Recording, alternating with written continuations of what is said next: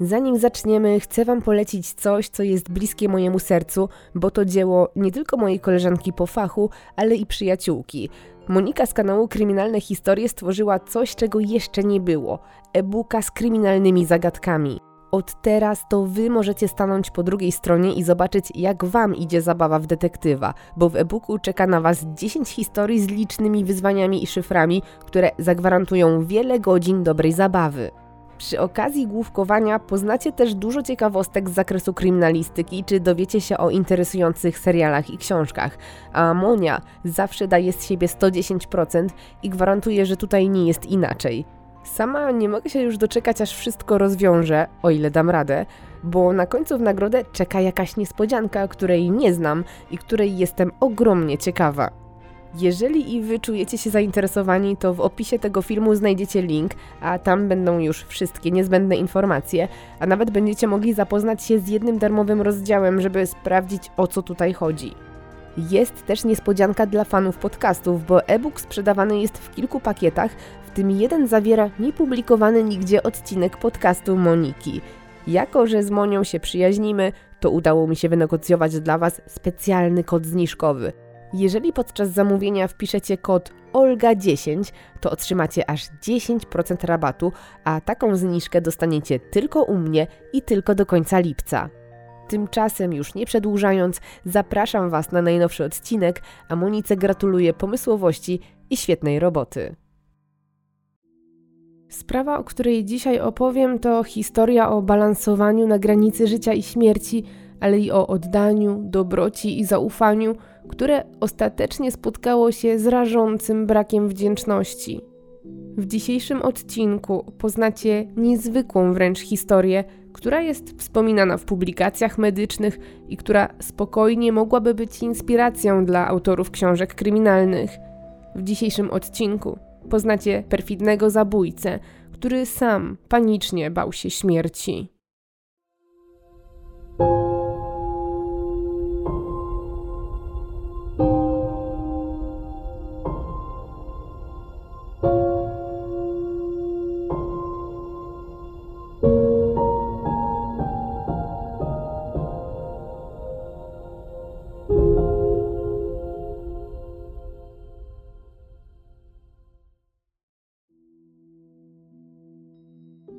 Jest rok 2011. To rok, w którym prezydentem Polski jest Bronisław Komorowski, a premierem Donald Tusk. W tym roku era zamienia się w T-Mobile, premierę w kinach ma film Drive, a stacje radiowe często proponują nowy hit zespołu Zako Power, Boso. 2011 jest też smutnym rokiem dla świata muzycznego, bo w lipcu umiera piosenkarka Amy Winehouse, tym samym miesiącu ma też miejsce tragiczne wydarzenie, które kieruje wzrok całego świata na Norwegię, gdzie Anders Breivik dokonuje masakry na wyspie Utoja. W tym samym roku w Gdańsku mieszka Kamila, która jest 23-letnią studentką Wyższej Szkoły Turystyki i Hotelarstwa. Jest szczupła, ma okrągłą twarz, duże brązowe oczy i proste włosy za ramiona w kolorze ciemnego blondu. Kamila jest też raczej niewysoka, mierzy 1,67 m wzrostu i jest drobnej budowy ciała. Wygląda też na znacznie młodszą niż w rzeczywistości jest i za każdym razem, kiedy jest w sklepie i na przykład chce kupić jakiś alkohol, jest pytana o dowód osobisty, bo zupełnie nie wygląda na 23-latkę. Tak naprawdę większość osób daje jej maksymalnie 16 lat. Dziewczyna mieszka w Gdańsku na Zaspie w domu jednorodzinnym i mieszka tu razem ze swoimi rodzicami i siostrą. Wspólnie tworzą szczęśliwą i kochającą się rodzinę, która spędza ze sobą dużo czasu i wzajemnie się wspiera. W domu 23-latki niczego też nie brakuje i ważne są tu rodzinne wartości i wsparcie. Kamila jest zresztą bardzo opiekuńcza i troskliwa. Ma silną potrzebę, żeby pomagać innym, szczególnie tym w potrzebie, i być może wynika to z tego, że jej siostra jest osobą niepełnosprawną i dziewczyna od zawsze opiekuje się nią i zdecydowanie nie robi tego z przymusu. Kamila prowadzi ułożone i przewidywalne życie. Sama zresztą jest spokojna i niektórzy określają ją wręcz jako grzeczną, bo jest cicha, nie narzucająca się i świetnie wychowana. Lubi czytać książki, spędzać czas przed komputerem i mimo, że może jest nieco zamknięta w sobie i nie tryska energią, to jest towarzyska i ma w swoim otoczeniu dużo życzliwych osób, z którymi chętnie się spotyka. Już od jakiegoś czasu ma też chłopaka, Przemka, który jest marynarzem, ale niestety ze względu na swój zawód często wyjeżdża i w przeszłości między parą bywało z tego powodu różnie. Chłopak nie krył też tego, że zdarzało mu się być zazdrosnym o Kamilę, która nie przepada za samotnością. W ostatnim czasie jest jednak między nimi dużo lepiej. Tak naprawdę ich związek może nawet przechodzi na kolejny etap, bo zakochani coraz częściej poważnie rozmawiają o tym, że powinni wziąć ślub. Zaczynają też rozglądać się za działką, na której mogliby wybudować swój wymarzony dom, ale też często rozmawiają o tym nawet z rodzicami Kamili, którym pokazują projekty domów. Rodzice dziewczyny są zadowoleni z takiego obrotu sprawy, bo Przemek rzeczywiście wygląda na kogoś, kto bardzo kocha ich córkę. Jest czuły, opiekuńczy, często głośno wyraża swoje uczucia i nazywa je wprost. Nierzadko dosłownie obsypuje Kamilę kwiatami. Jedyny problem jest taki, że często go nie ma, a Kamila to osoba, która wydaje się, że nie lubi pustki. W tym spokojnym tempie dnia codziennego nadchodzi 6 listopada 2011 roku. To niedziela. Tego dnia pogoda na Pomorzu jest całkiem przyjemna. Temperatura sięga około 10 stopni, na niebie są przejaśnienia i nie zapowiada się na deszcz. To raczej ciepły i przyjemny dzień jak na tę porę roku. Swoją niedzielę Kamila spędza w domu z bliskimi, a wczesnym popołudniem razem z mamą zaczyna przygotowywać domową pizzę. To ich pewnego rodzaju niedzielny zwyczaj, bo często właśnie w tym dniu wspólnie przygotowują taki wyjątkowy obiad. Akurat ta niedziela jest też przez wszystkich długo wyczekiwana, bo wieczorem cała rodzina wybiera się do teatru na spektakl. Koniec weekendu zapowiada się więc ciekawie. Kiedy po 13 pizza grzeje się już w piekarniku, a zapach pieczonego ciasta zaczyna roznosić się w całym domu, Kamila na te ostatnie minuty idzie do swojego pokoju na piętrze. Kiedy chwilę później rodzina zbiera się, żeby wspólnie zasiąść przy stole, ze swojego pokoju wychodzi także Kamila i w pośpiechu zbiega na parter domu, ale wcale nie po to, żeby zjeść niedzielny obiad z bliskimi. Nieoczekiwanie oznajmia, że nie będzie im tym razem towarzyszyć, bo jest spóźniona na spotkanie z kolegą i musi natychmiast wyjść. Bliscy są tym bardzo zdziwieni, bo wcześniej nic nie słyszeli o takich planach. Zauważają też, że Kamila jest trochę zdenerwowana, a na pewno oszczędna w słowach, bo sama z siebie nie mówi, z kim dokładnie ma się zobaczyć. Kiedy dziewczyna zamiast do stołu zaczyna zmierzać do wyjścia, tata próbuje ją jeszcze przekonać, żeby nigdzie nie wychodziła i zjadła z nimi na spokojnie, ale Kamila ewidentnie jest już myślami zupełnie gdzie indziej. Ostatecznie nie daje się przekonać. Zarzuca na siebie puchową jasnoszarą kurtkę, zakłada czerwone sportowe buty, następnie żegna się z rodziną i w biegu zabiera jeszcze ze stołu dwa kawałki świeżo zrobionej pizzy. O 14 wychodzi.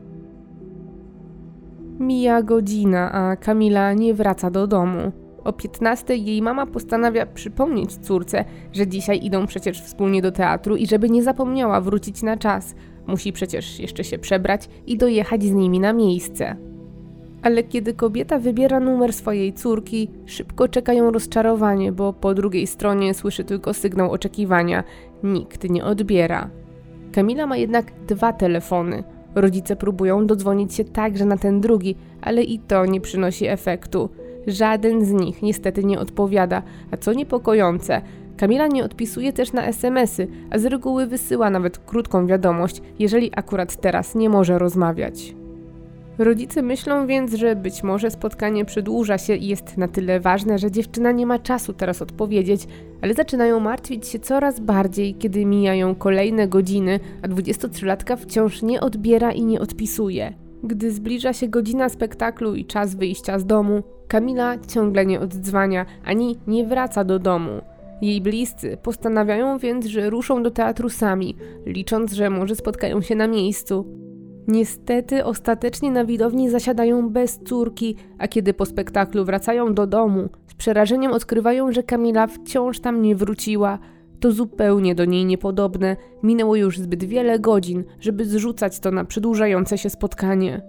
Rodzice Kamili postanawiają więc dłużej nie czekać i sami próbują odnaleźć córkę, ale od razu rodzi się problem, bo nie wiedzą z kim miała się spotkać.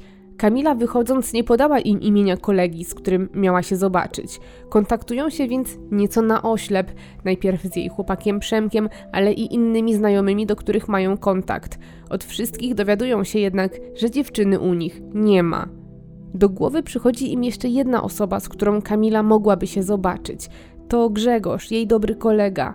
Jako, że mężczyzna mieszka niedaleko, bo także na zaspie, tylko w tutejszych blokach, zaniepokojeni rodzice ruszają do niego osobiście. Grzegorz wychodzi na spotkanie z rodzicami dziewczyny i potwierdza, że rzeczywiście to właśnie z nim Kamila spotkała się o 14, bo mieli wspólnie jechać na spacer do Szymbarka.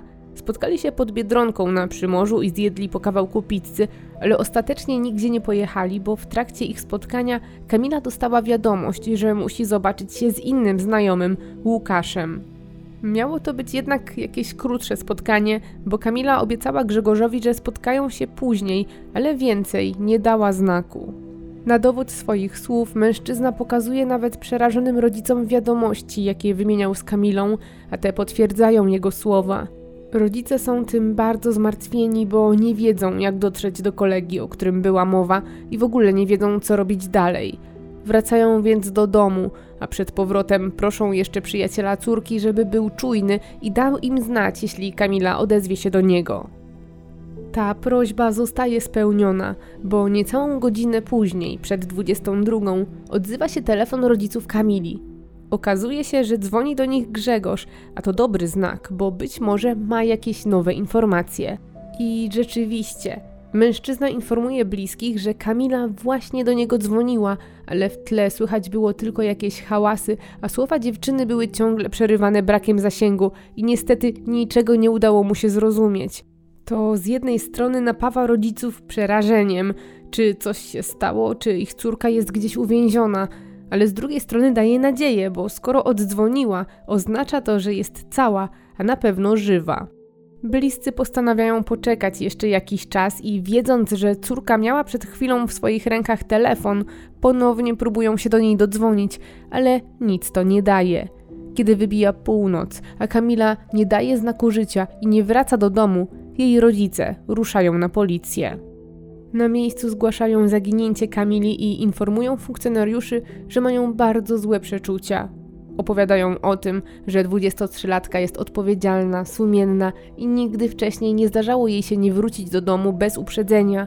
Niepokojące jest też to, że przez tyle czasu dziewczyna ani nie odebrała telefonu, ani nie wysłała SMS-a, ale także to, że nie pojawiła się na spektaklu czarne myśli ostatecznie nasuwa dziwny telefon do przyjaciela, który był przerywany szumem i trzaskami. Na całe szczęście policjanci biorą na poważnie słowa zaniepokojonych rodziców, przyjmują zgłoszenie i zaczynają od razu działać. Także zdaniem policji coś tu bardzo nie gra. W pierwszej kolejności ustalają dane i adres Łukasza, o którym wspominał przyjaciel Kamili Grzegorz, wszystko bowiem wskazuje, że to właśnie Łukasz był ostatnią osobą, która widziała się z Kamilą w dniu jej zaginięcia. Kiedy policjanci pukają do drzwi młodego mężczyzny, ten jest całkowicie zaskoczony ich obecnością. To od nich dowiaduje się, że dziewczyna zniknęła i mało tego, jak się okazuje, wcale nie widział się w niedzielę z Kamilą, ani nawet nie byli na ten dzień umówieni. Ostatni raz rozmawiali przez internet i to tydzień wcześniej. Śledczy sprawdzają te informacje i wszystko wskazuje na to, że Łukasz wcale nie kłamie. Policjanci zaczynają więc przyglądać się Grzegorzowi, bo od razu wydaje im się podejrzane to, że naprowadził zarówno ich, jak i rodziców Kamili na osobę zupełnie niezwiązaną ze sprawą. Chcą ustalić, czy może sam był źle poinformowany, czy może to celowe działanie pierwszej kolejności dowiadują się więc, kim dokładnie jest Grzegorz, i to, co odkrywają, nie napawa ich optymizmem i jednocześnie jest szokiem dla rodziców zaginionej 23-latki. Okazuje się, że niewiele wiedzieli o bliskim znajomym swojej córki, który miał już zatargi z prawem. Grzegorz w przeszłości był karany za rozboje i przetrzymywanie wbrew woli. Policjanci docierają też do zapisków, które jasno wskazują, że używał przemocy wobec swojej byłej żony i byłej partnerki. Rodzice zaginionej są przerażeni tym, co słyszą i zaczynają powoli odnajdywać brakujące puzzle w tej układance. Wyznają policjantom, że nigdy nie przepadali ze Grzegorzem i że w przeszłości zarówno oni, jak i Kamila mieli z nim kilka starć. Poniedziałek po południu, kiedy Kamila nie daje znaku życia już od doby, śledczy postanawiają wrócić do Grzegorza, ponownie go przesłuchać i wyjaśnić pojawiające się coraz to nowe nieścisłości i już podejrzenia. Chcą przede wszystkim dowiedzieć się, dlaczego naprowadził ich na Łukasza, czy rzeczywiście dzwoniła do niego Kamila i czy ma wiedzę, gdzie teraz jest.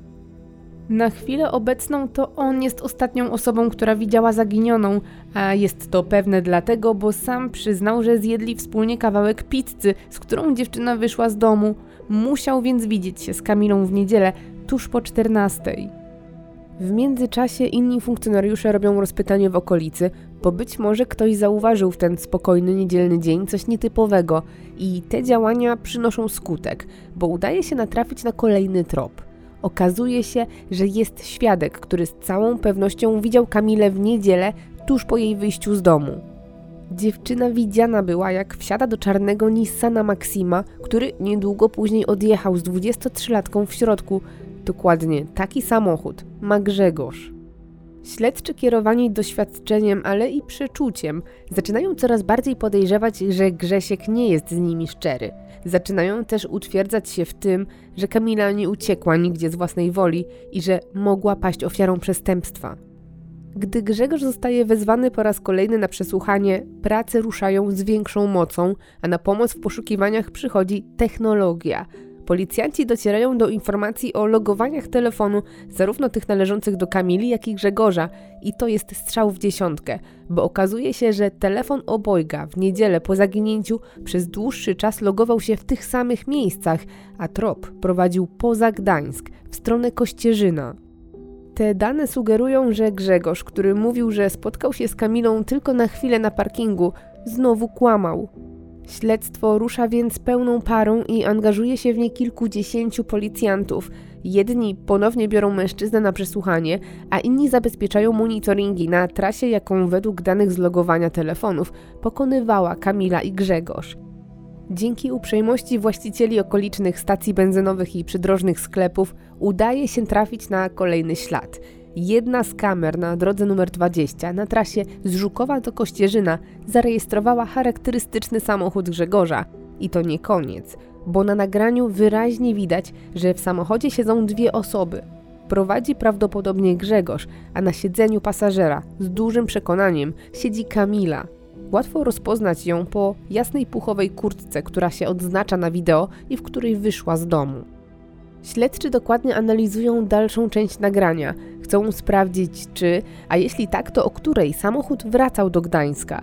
I rzeczywiście, Nissana po raz drugi uchwyca ta sama kamera, ale już godzinę później, o 15.30. Tym razem jednak w samochodzie widoczny jest tylko Grzegorz. Siedzenie pasażera, które wcześniej zajmowała Kamila, teraz jest puste. To dla wszystkich zaangażowanych w sprawę zły znak – na tyle poważny, że do działań angażują się policjanci z Wydziału Kryminalnego oraz Dochodzeniowo-Śledczego Komendy Miejskiej w Gdańsku. Gdy Grzegorz jest przesłuchiwany, zabezpieczony zostaje też jego samochód, który technicy mają zbadać pod kątem śladów kryminalistycznych. Na pierwsze wnioski i wyniki nie trzeba długo czekać. Technicy odkrywają w aucie ślady biologiczne, które mogą sugerować, że w Nissanie doszło do przestępstwa i do zacierania jego śladów. Jeszcze tego samego dnia 20 funkcjonariuszy zostaje wysłanych w teren, w okolice, gdzie przypuszczalnie mógł dojechać Grzegorz z Kamilą. Funkcjonariusze dokładnie przeszukują okoliczne lasy metr po metrze. Niestety, mimo że mijają kolejne godziny, dziewczyna nie wraca do domu, a śledczym nie udaje się odnaleźć żadnego śladu po niej. Istnieje jednak nadzieja, że Grzegorz wreszcie zacznie coś mówić, ale konsekwentnie wypiera się, by miał cokolwiek wspólnego z zaginięciem 23-latki. Śledczy konfrontują go jednak z tym, że mają zapis z monitoringu, gdzie wyraźnie widać jego samochód z Kamilą na siedzeniu pasażera. Chcą dowiedzieć się, dlaczego wcześniej powiedział, że nigdzie razem nie pojechali. Grzegorz jest wyraźnie zaskoczony wiedzą, jaką posiadają policjanci. Można odnieść wrażenie, że nie zdawał sobie sprawy, z jak wielu narzędzi korzystają śledczy. W obliczu tak twardych dowodów przyznaje się, że rzeczywiście wyruszyli wspólnie w tamtą stronę, ale po drodze doszło między nimi do sprzeczki i uniesiony honorem zostawił Kamilę samą przy leśnej drodze. Zarzeka się, że była cała i zdrowa, kiedy odjeżdżał i nie ma pojęcia, gdzie teraz jest. Śledczy jednak nie dają wiary jego słowom. Postanawiają zatrzymać Grzegorza na 48 godzin i w tym czasie spróbować dowiedzieć się od niego czegoś więcej. To też ważny czas, żeby znaleźć nowe tropy. Część biorących udział w śledztwie udaje się do jego miejsca zamieszkania, zabezpieczają ubrania, szukają nietypowych śladów, sprawdzają też między innymi komputer 28-latka. Odkrywają wtedy, że kilka dni przed zaginięciem Kamili Grzegorz przeglądał stronę internetową z artykułem, w którym poruszany był temat zabójstwa młodej dziewczyny, której ciało zakopano w lesie. Razem z brakiem pozytywnych wieści nadchodzi 8 listopada. To już druga doba, od kiedy Kamila wyszła z domu i nie dała znaku życia. W teren ruszają kolejni funkcjonariusze. Dzisiaj jest ich już 40. Do akcji poszukiwawczej przyłączają się też strażacy i leśnicy, którzy wspólnie przeszukują tereny leśne wzdłuż drogi nr 20 między Żukowem a Kościerzyną. Jest to jednak ogromny teren do sprawdzenia. W związku z tym do akcji zaangażowany zostaje nawet śmigłowiec z kamerą termowizyjną, a także przewodnicy z psami wyszkolonymi do poszukiwania zwłok. Niestety i ten dzień intensywnych poszukiwań nie przynosi rezultatów, a Grzegorz ciągle milczy. Nadchodzi 9 listopada 2011 roku. Już za moment mija 48 godzin od zatrzymania Grzegorza. Po tym czasie mężczyzna będzie mógł wrócić do domu. Jednak prokuratura nie ma zamiaru wypuścić go na wolność. Śledczy przez dziesiątki godzin działali w pocie czoła, żeby zebrać materiał dowodowy, który wreszcie rozwiąże Grzegorzowi język. Chociaż wciąż nie wiadomo, gdzie jest Kamila lub gdzie jest jej ciało, prokuratura rejonowa Gdańsk-Oliwa stawia Grzegorzowi zarzut uprowadzenia i zabójstwa 23-latki. Tym samym kieruje do sądu wniosek o aresztowanie Grześka. W tym samym czasie media obiega nie tylko informacja o tym, że podejrzany jest za kratami, ale też zdjęcie z monitoringu, dokładnie z tego nagrania, na którym prawdopodobnie uchwycony był Grzegorz i Kamila w czarnym Nissanie. Jest to celowe działanie policji, bo w ten sposób apeluje do ewentualnych świadków, którzy być może widzieli coś więcej w niedzielę 6 listopada. Bliscy i śledczy czekają teraz na telefony z nowymi informacjami. Nie ustają też oczywiście w poszukiwaniach i prace w terenie ciągle trwają. Nadchodzi kolejny dzień. To 10 listopada. Mimo poważnych zarzutów Grzegorz ciągle milczy i nie przyznaje się do zarzucanych mu czynów, ale wcale nie działa to na jego korzyść, bo właśnie dzisiaj sąd przychyla się do wniosku prokuratury i mężczyzna zostaje tymczasowo aresztowany na trzy miesiące. 10 listopada mija też czwarta doba, od kiedy mimo intensywnych poszukiwań nie udaje się odnaleźć żadnego śladu Kamili, aż do momentu, gdy nieoczekiwanie funkcjonariusze pracujący w lesie przy drodze numer 20 natrafiają na legitymację studencką zaginionej. Wszystko zaczyna układać się w całość i zdaje się, że śledczy są coraz bliżej rozwiązania. Rodzice Kamili przeżywają trudne chwile. Są zrozpaczeni i umierają ze strachu i tęsknoty. Chwytają się każdej możliwości, żeby poznać prawdę. Udają się nawet do jednego z najsłynniejszych jasnowidzów w kraju. Przynoszą mu przedmioty należące do ich córki, ale też różaniec, który Grzegorz woził w swoim samochodzie. Jasnowic tworzy wizję, według której niestety Kamila nie żyje. Wskazuje też, gdzie jego zdaniem ukryte jest ciało, jednak bez powodzenia.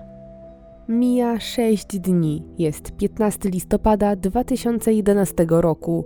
To już 9 dni bez żadnego znaku od Kamili. W lasach w okolicach Babiego Dołu leśniczy natrafia na starą wersalkę, którą ktoś porzucił. Zauważa jednak, że pod nią ziemia wygląda na świeżo rozkopaną. Natychmiast wzywa pracujących nieopodal w terenie policjantów, a ci bardzo szybko odkrywają, że w rzeczywistości pod starym tapczanem znajduje się płytki grób, a w nim ukryte ludzkie zwłoki. Na miejsce przybywają technicy i prokurator, a cała leśna droga prowadząca od skrzyżowania na Skrzeszewo zostaje odgrodzona taśmą policyjną. Nikt poza organami ścigania nie zostaje przepuszczony dalej. Robi się też już coraz później i ciemniej, ale działania nie ustają. Teren prac oświetla nawet jednostka Ochotniczej Straży Pożarnej z Żukowa, żeby śledczym nic nie umknęło. Tego samego dnia szef prokuratury rejonowej Gdańsk-Oliwa potwierdza, że w lesie odnaleziono ciało. Nie zdradza jednak płci ofiary. Ujawnia tylko, że rzeczywiście była w wieku zbliżonym do zaginionej Kamili. Nadchodzi kolejny dzień. To 16 listopada. Rodzice Kamili udają się do zakładu medycyny sądowej na identyfikację ciała. Zachodzi bowiem duże prawdopodobieństwo, że to ich córka. Niestety, ten najczarniejszy scenariusz spełnia się. Bliscy w ofierze rozpoznają Kamilę. Są tą tragiczną informacją zdruzgotani i muszą zostać objęci opieką policyjnego psychologa. Tego samego dnia o tym, że to właśnie Kamilę znaleziono w płytkim grobie w lesie w okolicach Babiego Dołu, obiega media i wywołuje smutek i szok wśród społeczeństwa, bo sprawa tego zaginięcia była szeroko komentowana i obserwowana przez wiele osób, każdy jednak liczył na szczęśliwe zakończenie. W tym samym czasie śledztwo rusza ze zdwojoną siłą. Na wyniki sekcji zwłok trzeba będzie jeszcze chwilę poczekać, ale są za to już wyniki śladów biologicznych znalezionych w samochodzie Grzegorza. Okazuje się, że we wnętrzu Nissana śledczy odnaleźli wiele śladów krwi, w tym na schowku między fotelem pasażera i kierowcy, na oparciu fotela kierowcy oraz na jego tyle, a także na siedzeniu pasażera i tylnej kanapie, w tym te ślady na tylnej kanapie ktoś próbował usunąć. Ślady należą zarówno do Grzegorza, jak i Kamili. Prokuratura ponownie przesłuchuje Grzegorza. Tym razem konfrontują go z informacją o tym, że ciało dziewczyny zostało już odnalezione. Mają nadzieję, że ta informacja sprawi, że mężczyzna zacznie mówić. Ten jednak ciągle nie przyznaje się do winy, wręcz próbuje kierować podejrzenia na kolegę zamordowanej, na Łukasza. Prokurator próbuje więc zadać kilka niewygodnych pytań, szczególnie o ślady znalezione w samochodzie, ale i na to Grzegorz ma szybką odpowiedź. Twierdzi, że Kamila któregoś dnia zmieniała podpaskę w jego aucie, a innego razu wypadło mu w kłucie centralne, kiedy wracał ze szpitala. W zasadzie na każde trudniejsze pytanie albo ma gotową odpowiedź, szybką wymówkę, albo jeżeli jest zapędzany w kozi róg, używa słowa pomidor. Z każdą kolejną godziną przesłuchań śledczy zaczynają zdawać sobie sprawę, że od Grzegorza niczego się nie dowiedzą. Mimo więc, że wiedzą coraz więcej, a nawet odnaleźli ciało, ustalenie, co wydarzyło się tak naprawdę, jest bardzo trudne. A to dopiero początek utrudnień, bo z zakładu medycyny sądowej przychodzą kolejne ekspertyzy, które dostarczają więcej pytań niż odpowiedzi. Po pierwsze, wiadomym jest, że Kamila została uduszona, najprawdopodobniej paskiem. Dziewczyna miała też liczne otarcia, co może sugerować, że doszło do szarpaniny. Potwierdzają to także badania rzeczy osobistych Grzegorza i materiału pobranego za jego paznokci. Wszędzie były ślady biologiczne należące do ofiary, w tym na butach Grzegorza, a także na mankietach jego kurtki i bluzy. Wśród tych licznych wyników badań pojawia się jednak jeden element, który zaburza układankę, która zdawała się tworzyć logiczny ciąg wydarzeń. Okazuje się, że na miejscu zbrodni oraz w samochodzie eksperci wyodrębnili jeszcze jeden materiał genetyczny, tym razem należący do innego mężczyzny. Śledczy są skołowani tymi informacjami. Byli przekonani, że zabójca był jeden i że jest już w ich rękach, a teraz kwestią jest zebranie wszystkich dowodów przeciwko niemu. Dodatkowy męski materiał genetyczny znacząco zaburza wszystko, co do tej pory ustalili. Czy więc rzekomy Łukasz ma jednak coś wspólnego ze sprawą? Czy sprawców jest dwóch? Ale w takim razie, dlaczego Grzegorz kryje swojego wspólnika? Odpowiedź na te pytania okazuje się być bardziej zawiła niż można byłoby przypuszczać. Dopiero analiza ostatnich lat życia Grzegorza pozwala połączyć wszystkie puzzle. Analiza, która sprawia, że śledczy szeroko otwierają oczy na ten wyjątkowy przypadek. Jest początek 2010 roku. Kamila od niedawna spotyka się z Przemkiem, marynarzem, którego poznała za sprawą internetu. Układa im się różnie. Ich związek jest jeszcze bardzo świeży. Chłopak często wyjeżdża, co sprawia, że Kamila być może nie do końca potrafi zaangażować się w ich relacje. Widać jednak, że jemu bardzo zależy na studentce. Jest czuły, troskliwy, lubiany przez jej rodziców. Jest też trochę zazdrosny, bo Kamila utrzymuje ciągłe kontakty z innymi osobami, które w podobnym czasie także poznała przez internet. Wśród tych znajomych jest Grzegorz, który jest 6 lat starszy od Kamili. Mężczyzna z wykształcenia jest kucharzem, ale od jakiegoś czasu jest bezrobotny. Jego pasją jest motoryzacja, fascynują go samochody, lubi szybką jazdę i ma na swoim koncie kilka startów w rajdach samochodowych. Ma też trudną przeszłość. Jest po dwóch długich, nieudanych związkach, w tym po rozwodzie i ma małe dziecko, którym opiekuje się jego była żona. Mimo tak wielu różnic, Grzegorz zaczyna pisać z Kamilą i młodzi ludzie znajdują wspólny język. Rozmawiają dużo o codziennych problemach, marzeniach, o planach na przyszłość i szybko okazuje się, że chociaż tak wiele ich dzieli, to chyba jednak więcej ich łączy. Dodatkowo mieszkają bardzo blisko siebie, praktycznie po sąsiedzku, bo w tej samej dzielnicy i nie ma wątpliwości, że zaczyna tworzyć się między nimi coś, co przypomina koleżeństwo, a być może przyjaźń. Ich znajomość dosyć szybko przechodzi ogromną próbę, bo kilka miesięcy później, w kwietniu 2010 roku, Grzegorz dowiaduje się, że jest poważnie chory. Lekarze diagnozują u niego białaczkę szpikową. To wyrok, a jedyną nadzieją na to, by żył, jest przeszczep szpiku od dawcy niespokrewnionego. Ta wiadomość sprawia, że Grzegorz jest zdruzgotany i przerażony tym, jaka i czy w ogóle czeka go przyszłość, ale wie jedno: chce walczyć o życie z całych sił. Od teraz staje się stałym bywalcem szpitali, gdzie szybko zaczyna docierać do niego powaga sytuacji, w jakiej się znalazł i że właśnie rozpoczął walkę o swoje życie.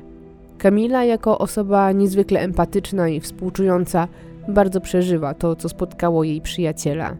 Angażuje się nie tylko w to, by wspierać jego, ale i innych i zostaje wolontariuszką w fundacji, której zadaniem jest poszukiwanie dawców dla pacjentów, którzy potrzebują szpiku. I ona staje się teraz stałą bywalczynią w szpitalu na oddziale hematologii, gdzie wspiera Grzegorza, towarzyszy mu w wizytach, odwiedza go, kiedy jest hospitalizowany i po prostu przy nim czuwa. Z czasem ich relacja staje się chyba czymś więcej, a na pewno z perspektywy Grzegorza czy jego bliskich, bo takie zaangażowanie i pomoc nie jest czymś codziennym, a na pewno nie zarezerwowanym dla kogoś, kto jest tylko znajomym. Mimo ogromnego wsparcia, stan Grzegorza z tygodnia na tydzień pogarsza się, bo pomimo upływu miesięcy nie udaje się znaleźć dla niego dawcy szpiku. Grzesiek, który wcześniej był optymistyczny i nastawiony na wygraną z nowotworem, teraz zaczyna tracić nadzieję, ale i siły. Kamila nie pozwala mu się poddać, wciąż wspiera go i podtrzymuje na duchu. Wierzy, że mężczyzna z tego wyjdzie, a w sierpniu 2010 roku, zaledwie cztery miesiące od diagnozy Grzegorza, dzieje się coś, co podbudowuje morale wszystkich czekających na przeszczep szpiku. Adam Darski, wokalista zespołu Behemoth, podaje do wiadomości publicznej informację o tym, że także choruje na białaczkę i że także on staje na tej samej granicy co Grzegorz, na granicy życia i śmierci, której nie przekroczy tylko wtedy, gdy znajdzie dawcę. Ten niepozorny komunikat wysłany do społeczeństwa staje się początkiem lawiny zmian, bo właśnie wtedy ówczesna partnerka muzyka, wokalistka Dorota Rabczewska, ogromnie angażuje się w promowanie idei zostania dawcą szpiku. We wrześniu 2010 roku podczas 47. Krajowego Festiwalu Piosenki Polskiej w Opolu piosenkarka dedykuje utwór swojemu partnerowi i kieruje apel do społeczeństwa, żeby zachęcić ludzi do zostania dawcami. Ten apel ogląda w telewizji na żywo blisko 3 miliony osób, co skutkuje największą w historii Fundacji DKMS akcją rejestracji. Po samym apelu Dody napływa 40 tysięcy zgłoszeń potencjalnych dawców. Potem rusza tylko kolejna lawina zgłoszeń, a o białaczce i o tym, że można pomóc nie wychodząc z domu, robi się głośno i znacząco wzrasta świadomość społeczna na temat bycia dawcą i na temat tej choroby.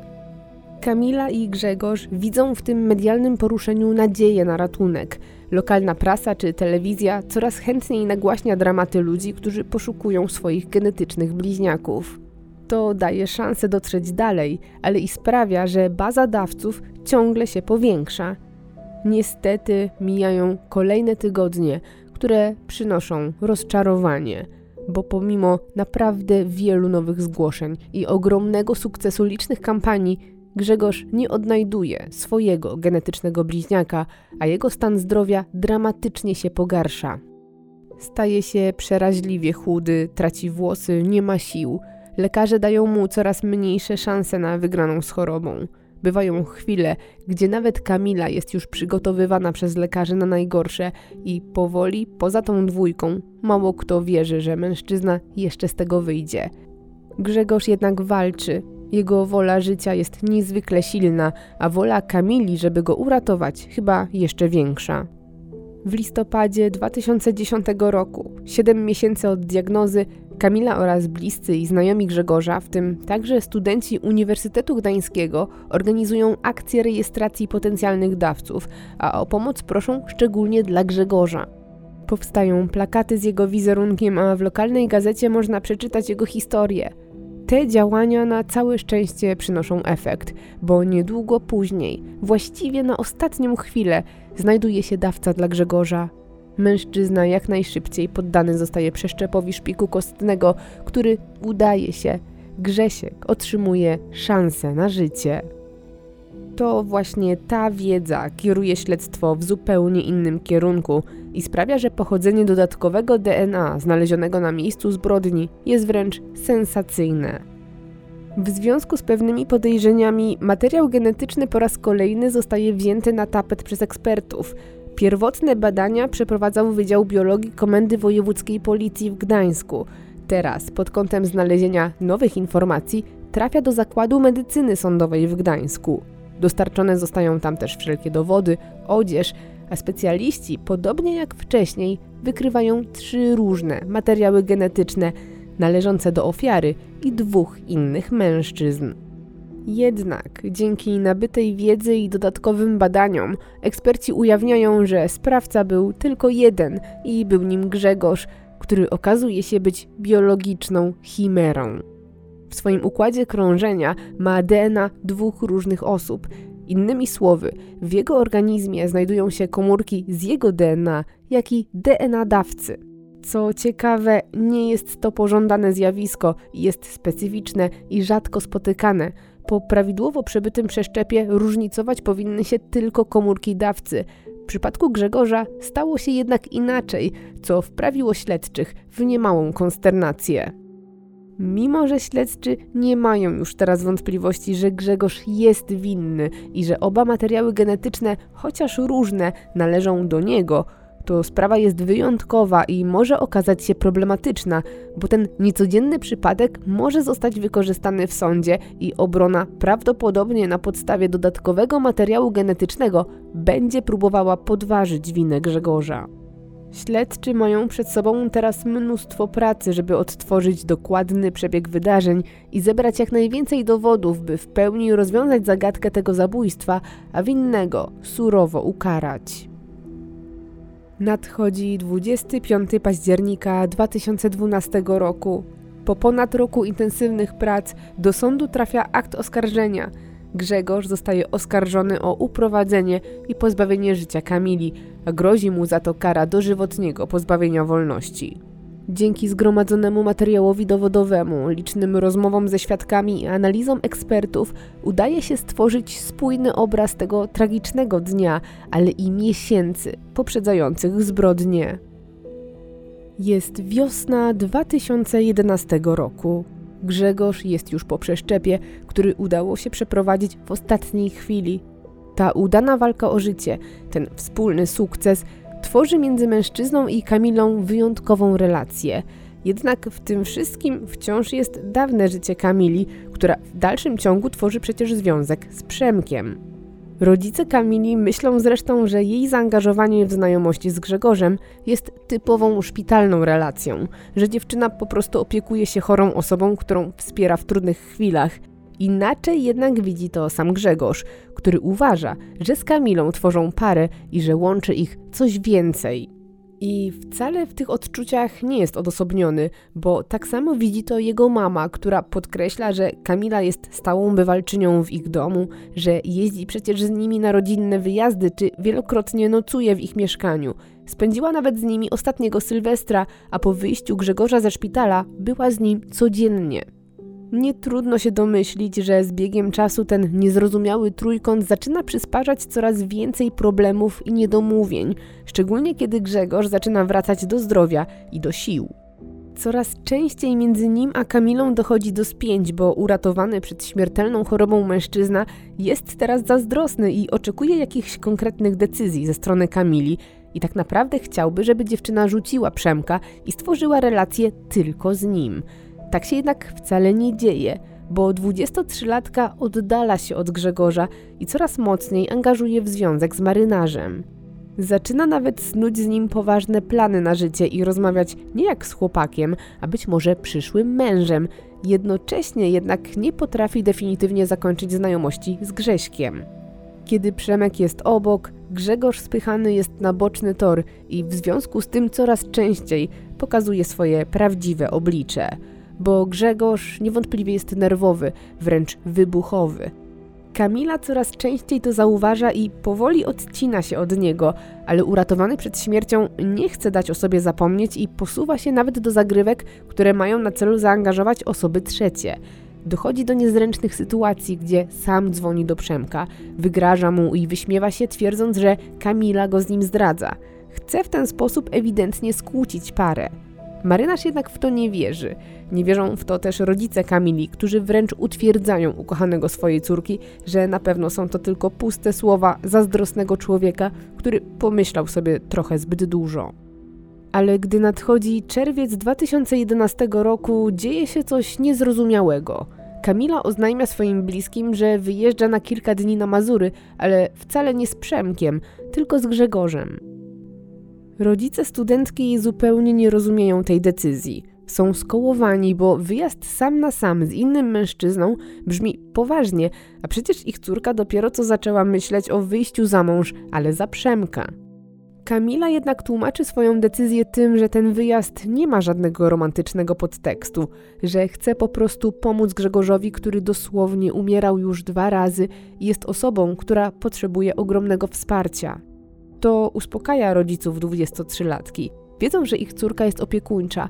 Jako siostra niepełnosprawnej osoby od zawsze miała w sobie ogromną potrzebę niesienia pomocy. Mimo zrozumienia i tych zapewnień, bliscy Kamili mają jednak złe przeczucia, a te potęgują się, kiedy w dniu wyjazdu Grzesiek zjawia się w ich domu. To właśnie wtedy tata Kamili widzi go po raz pierwszy na własne oczy, chociaż oczywiście wcześniej znał go z opowiadań. Przed jego oczami staje niezwykle wychudzony człowiek z przerzedzonymi włosami spiętymi w kitę. Na głowie ma kaptur i nie uśmiecha się ani z nikim nie wita. W zasadzie nie odzywa się do nikogo i sprawia wrażenie osoby gburowatej.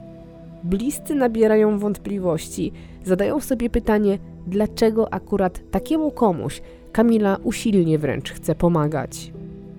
Bez względu na wątpliwości rodziców, dziewczyna wyjeżdża, a kiedy wraca, szybko wychodzi na jaw, że rodzicielska intuicja nie zawiodła i tym razem, bo z Mazur Kamila wraca przerażona i posiniaczona. Rodzice nie mają wątpliwości, że z dala od domu stało się coś złego. Wypytują córkę, co się wydarzyło i jak mogą pomóc, i wtedy dowiadują się, że podczas wyjazdu, który miał być pomocą dla ciężko chorego, ten ciężko chory pobił ich córkę. Kamila otwiera się i relacjonuje, że wyjazd był koszmarem, że Grzegorz przytrzymywał ją, zabrał telefon i ostatecznie pobił. Jest zdruzgotana i przestraszona. Mówi, że boi się Grześka, a rodzice naciskają, żeby nie zostawiła tego tak i pojechała na policję złożyć zawiadomienie o krzywdzie, jaką doświadczyła. Ale kiedy emocje opadają, dziewczyna opiera się i ostatecznie stawia sprawę jasno, niczego nie będzie zgłaszać. Jednak tata dziewczyny jest wściekły.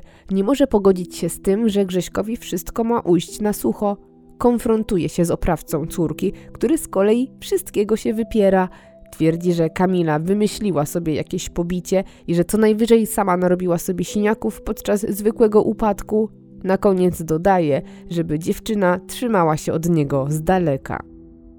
Temat nieszczęsnego wyjazdu na Mazury rozchodzi się po kościach, chociaż rodzice 23-latki mają cichą nadzieję, że po tym wszystkim wreszcie Grzesiek zniknie z ich życia, ale te nadzieje są płonne, bo Kamila oznajmia, że nie chce kończyć tej nieokreślonej wciąż relacji.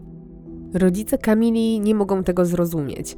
Co łączy ją z Grzegorzem? Dlaczego nie bierze pod uwagę tego, co miało miejsce na Mazurach, szczególnie, że to właściwie nie koniec dziwnych zachowań kolegi ich córki? Niedługo później ma miejsce niepokojący incydent.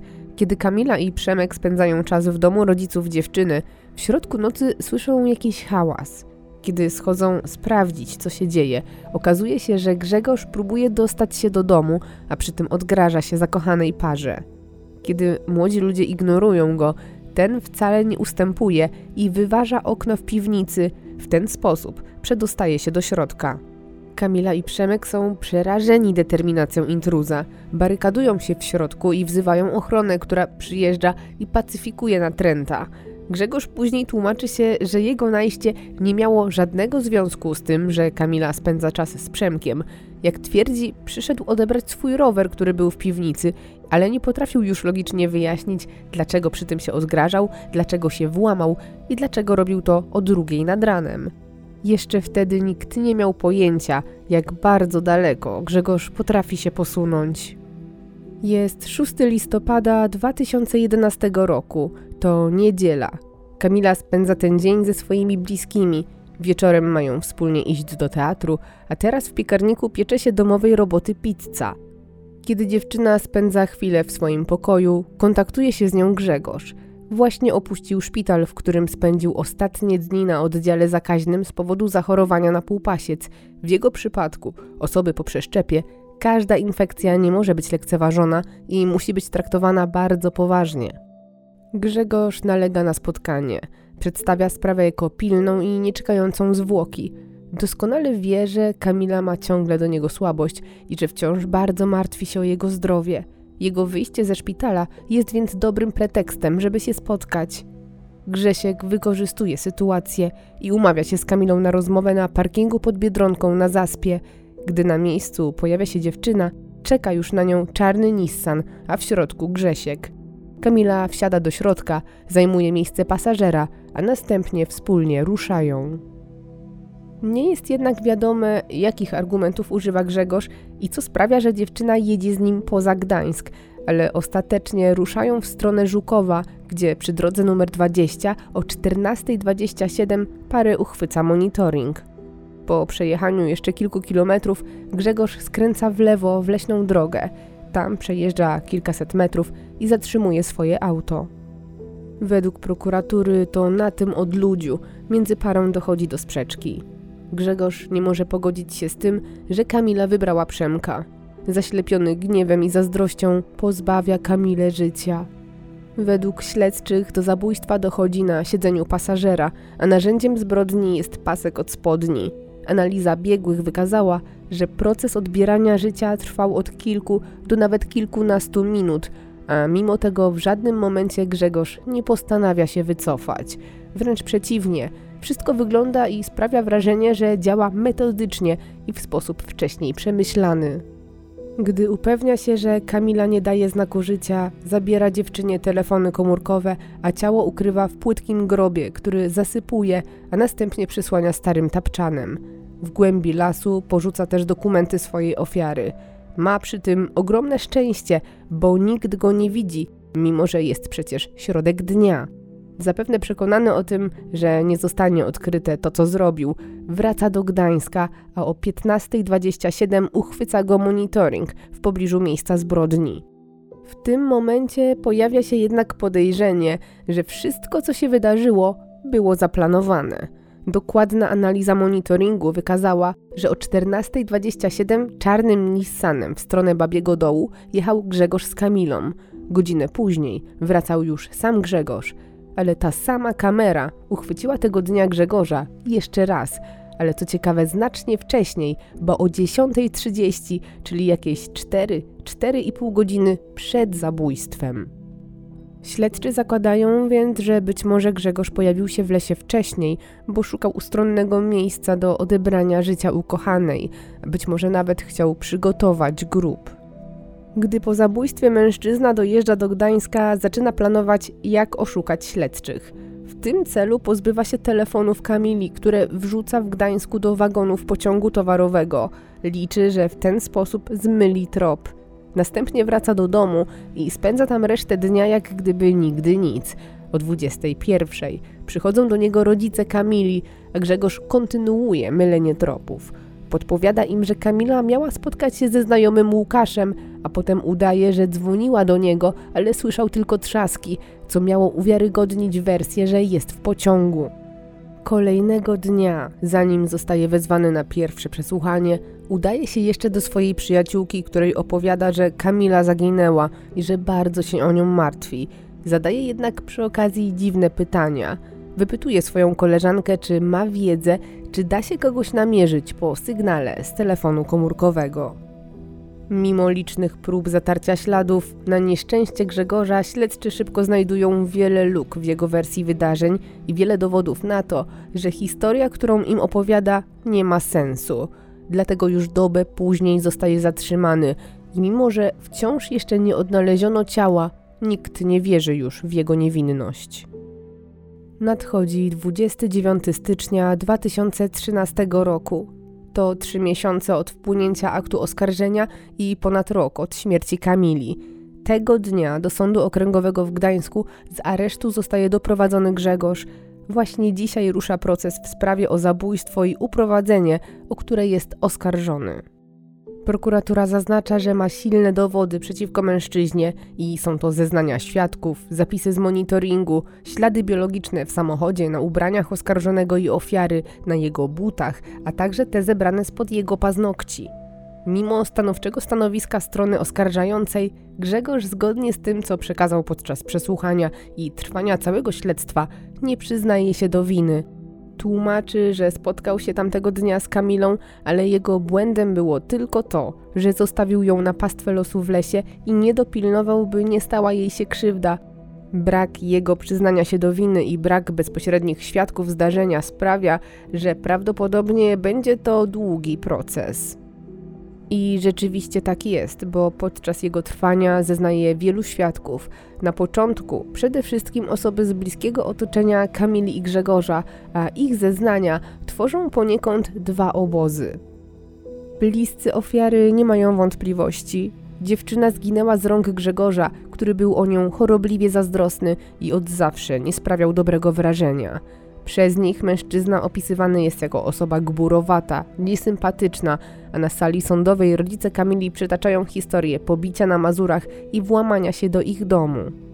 Zeznający znajomi ofiary opisują sytuacje, w których dziewczyna wprost mówiła im, że boi się oskarżonego. Jednym mówiła to osobiście, innym pisała za pośrednictwem internetu, zawsze jednak przewijały się podobne słowa – że jest pod ścisłą kontrolą i że nawet boi się o swoje życie. W opozycji do tych słów stają bliscy Grzegorza, w tym jego mama czy przyjaciółka. Te określają go jako osobę, która nie skrzywdziłaby muchy, jako człowieka dobrego, aczkolwiek złamanego przez bardzo ciężką chorobę. Osoby z otoczenia Grzegorza podkreślają, że dla nich Kamila była dziewczyną oskarżonego. Mało tego, że wyglądali na szczęśliwych, spędzali ze sobą mnóstwo czasu i ciężko ich zdaniem mówić tu o jakimś przymusie. Przed sądem zeznają, że Kamila nigdy nie sprawiała wrażenia osoby zastraszonej, a wręcz przeciwnie – Mama Grzegorza dodaje jednak, że jej syn rzeczywiście jest bardzo nerwowy i że jego napady agresji zaczęły się, gdy był dzieckiem i został uderzony kamieniem w głowę na placu zabaw. Mama oskarżonego opowiada, że to właśnie po tym wypadku jej syn przestał radzić sobie z emocjami. Wielokrotnie próbowała mu pomóc. Chodzili do specjalistów, uczęszczali na terapię, ale niewiele to pomogło. Przyszedł jednak czas, w którym nerwowość wyciszyła się sama z siebie, ale wróciła, kiedy lekarze przedstawili fatalną diagnozę. Kobieta zaznacza jednak, że chociaż jej syn jest nerwowy, to od lat objawiało się to tylko krzykiem z jego strony, po którym potrzebował wyciszenia. Kobieta jest pewna, że poza podniesionym głosem czy rzuceniem kilkoma wyzwiskami nie byłby zdolny, żeby zrobić komuś krzywdę, a już tym bardziej Kamili, którą darzył uczuciem. Jedyną osobą z otoczenia Grzegorza, która nie podziela tych opinii i uważa, że mężczyzna jest osobą niebezpieczną, jest jego była żona. Na sali sądowej wylewa na eks-męża kubeł zimnej wody i jej relacja bardziej przypomina odczucia bliskich Kamili. Kobieta przyznaje przed sądem, że ich związek rozpadł się, bo sama uciekła od Grzegorza, gdy była z nim w czwartym miesiącu ciąży. Był wybuchowy, agresywny, a ona bała się o swoje życie i życie dziecka. Przed sądem zeznaje, że Grzesiek potrafił wpaść w furię i to z byle powodu i że w żadnym wypadku nie potrafi nad sobą panować. Ten obraz, zarówno śledczym, jak i sądowi, wydaje się być bardziej prawdziwy, bo podczas procesu Grzegorz wcale nie sprawia wrażenia potulnego człowieka, o którym opowiadają broniący go bliscy. Każdy dzień procesu, głównie przez niego, przypomina spektakl. Mężczyzna co chwilę komentuje słowa prokuratora czy świadków, sam zadaje mnóstwo pytań i usiłuje wręcz prowadzić rozprawę, z reguły w sposób zaczepny czy ironiczny.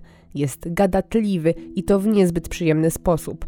Często mówi przez zęby, dogaduje, jest sarkastyczny i wręcz wyśmiewa to, co uważa za niezgodne z jego narracją. Przez cały proces Grzegorz jest wielokrotnie upominany. Kilka razy zostaje nawet wyprowadzony z sali. Raz nerwy puszczają mu do tego stopnia, że publicznie ubliża pani prokurator. Ciągle stawia się w roli ofiary, ale jest przy tym butny i zaczepny. Ewidentnie nie potrafi się kontrolować, a to nie przynosi mu korzyści. 2 lipca 2013 roku, pięć miesięcy po rozpoczęciu procesu, zeznania składa Przemek, chłopak Kamili.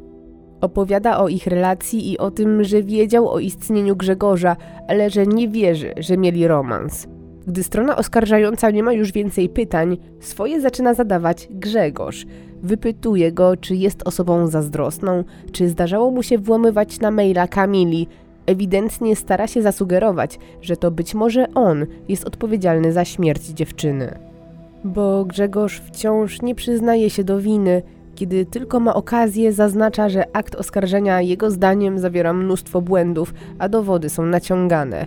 Ciągle chce ingerować w przebieg rozprawy i podważa sens procesu. 20 listopada 2013 roku przed sądem staje kolejny świadek. Tym razem swoje zeznania składa mężczyzna o imieniu Robert, który przez trzy miesiące przebywał w jednej celi z Grzegorzem chociaż waga jego występków jest nieco mniejsza, bo zajmował się głównie wyłudzeniami, udając na przykład pracownika gazowni, to jak twierdzi, dzisiejsze zeznania mają być początkiem nowego. Wyznaje przed sądem, że ruszyło go sumienie i chce odmienić swoje życie i zejść z drogi przestępstwa. Na te słowa Grzegorz oczywiście reaguje w charakterystyczny dla siebie sposób i na całą salę wybucha głośnym i teatralnym wręcz śmiechem. Sąd znowu zmuszony jest upomnieć Grześka, ale Robert nie przyjmuje się tym zachowaniem i zeznaje na niekorzyść oskarżonego. Opowiada, że na początku wierzył Grzegorzowi w jego niewinność i nawet korzystając ze swojego doświadczenia pomagał mu sporządzać pisma prawnicze, ale pewnego razu, kiedy w czteroosobowej celi byli przez chwilę tylko we dwóch, Grzegorz zasugerował mu, że tak naprawdę jest winny, a jego linia obrony ma tylko pomóc mu wywinąć się od odpowiedzialności. Te słowa bardzo nie podobają się oskarżonemu, podobnie jak miało to miejsce już wiele razy wcześniej i teraz mam mnóstwo pytań do świadka, ale szybko pytania przestają cokolwiek wnosić do sprawy, a zaczynają przypominać zwykłe przepychanki. Korzystając z okazji, mężczyźni docinają sobie wzajemnie, niewybrednie komentują swoje odpowiedzi, a sąd co chwilę musi upominać zarówno jednego, jak i drugiego. To już kolejny raz, kiedy właśnie tak wygląda proces – Grzegorz robi wszystko, by go wydłużyć, ujmować mu powagi i podkreślać swoje niezadowolenie z każdych słów, jakie padają przeciwko niemu. Proces trwa, a z początkiem 2014 roku zaczyna przybierać już nieco bardziej formalny charakter. W lutym przed sądem zeznania składają genetycy, którzy opowiadają o tym bardzo nietypowym i w zasadzie jedynym takim przypadku w sprawie o zabójstwo. Tłumaczą skąd na miejscu zbrodni DNA dwóch różnych mężczyzn, wyjaśniają zjawisko chimeryzmu i omawiają indywidualny przypadek Grzegorza. To bardzo ważny element procesu, ponieważ tylko dokładne wyjaśnienie spornej kwestii, jaką niewątpliwie jest dodatkowe DNA na miejscu zbrodni, zamyka niejako drogę obronie, by wykorzystać ten argument. Po genetykach czas na biegłych z zakresu psychiatrii i psychologii, a opinia ekspertów nie jest korzystna dla oskarżonego. Biegli określają go jako osobę, która manipuluje ludźmi, jest egocentryczna i skupiona na spełnianiu tylko własnych potrzeb. Nie stwierdzają też u niego żadnej choroby psychicznej, a jedynie nieprawidłową osobowość.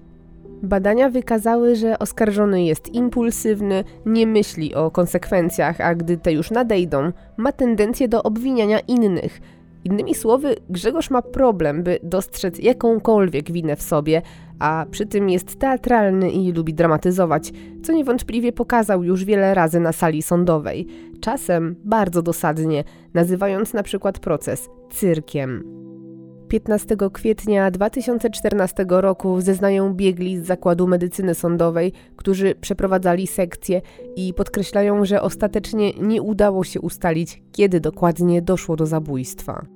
Tego samego dnia zeznania składają biegli, którzy badali ślady znalezione w samochodzie oraz na odzieży, a także policjanci, którzy zabezpieczali miejsce zbrodni. Jak się okazuje, i tutaj nie udaje się ustalić, kiedy powstały ślady biologiczne w aucie, a to skomplikowane, bo ich spora ilość nieco kłóci się ze stosunkowo lekkimi obrażeniami, jakie miała Kamila, bo były to zaledwie otarcia.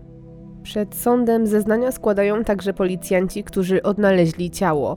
To emocjonujący moment procesu, bo właśnie wtedy obrona Grzegorza ożywia się i zadaje policjantom obecnym na miejscu zbrodni liczne pytania, a w zasadzie wytyka błędy. Okazuje się, że w grobie odnaleziono paragon ze stacji benzynowej, który należał do jednego z funkcjonariuszy. W ten sposób obrona chce wykazać, że na miejscu zbrodni nie przestrzegano procedur, a śledztwo prowadzono niedbale.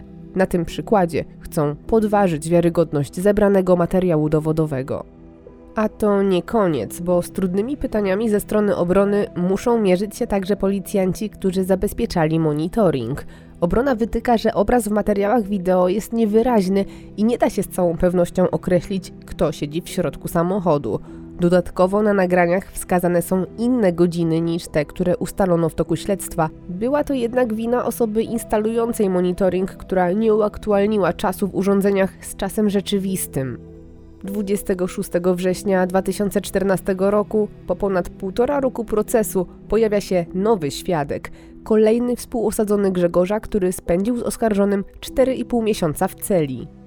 Mężczyzna o imieniu Mikołaj wyjawia, że oskarżony przyznał mu się do zabójstwa. Wyznał mu, że kochał Kamilę, ale musiał pozbawić ją życia, bo wiedziała zbyt dużo o jego interesach. I tym razem historia się powtarza. Grzegorz swojego świadka kwituje teatralnym śmiechem, a pod pretekstem zadawania pytań doprowadza do sprzeczki. 18 czerwca 2015 roku, po trwającym już 2,5 roku procesie, wreszcie przychodzi czas na ostatnie przesłuchania świadków.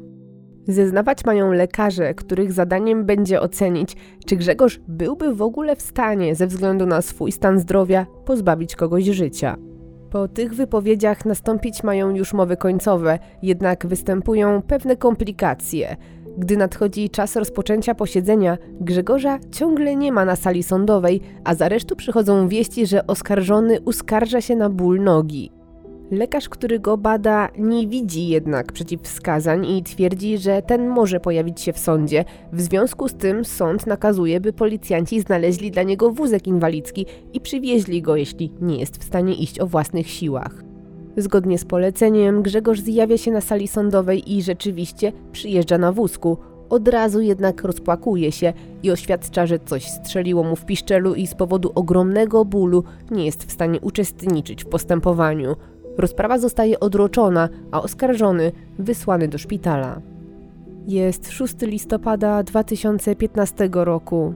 Po równo czterech latach, od kiedy Kamila po raz ostatni wyszła ze swojego domu, proces dobiega końca.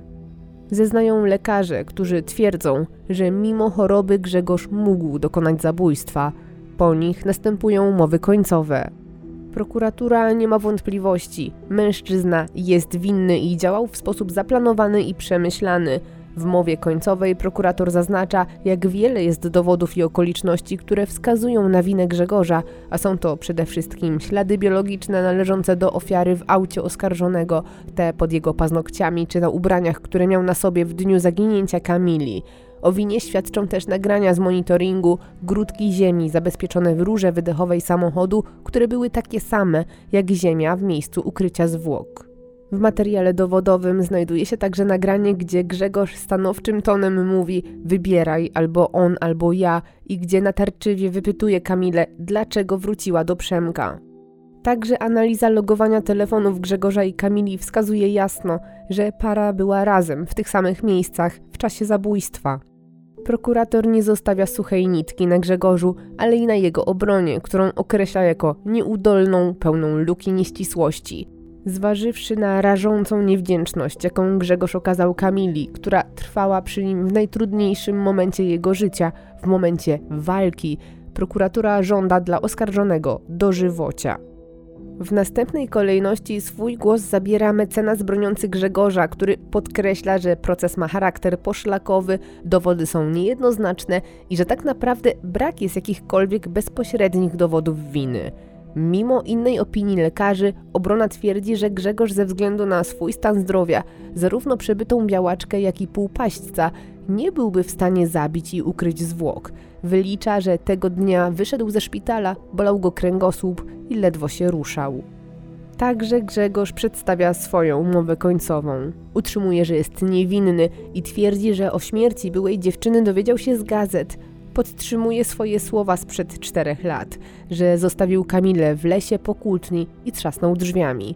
To jego zdaniem jego jedyna wina, że odjeżdżając postąpił samolubnie i unosząc się honorem.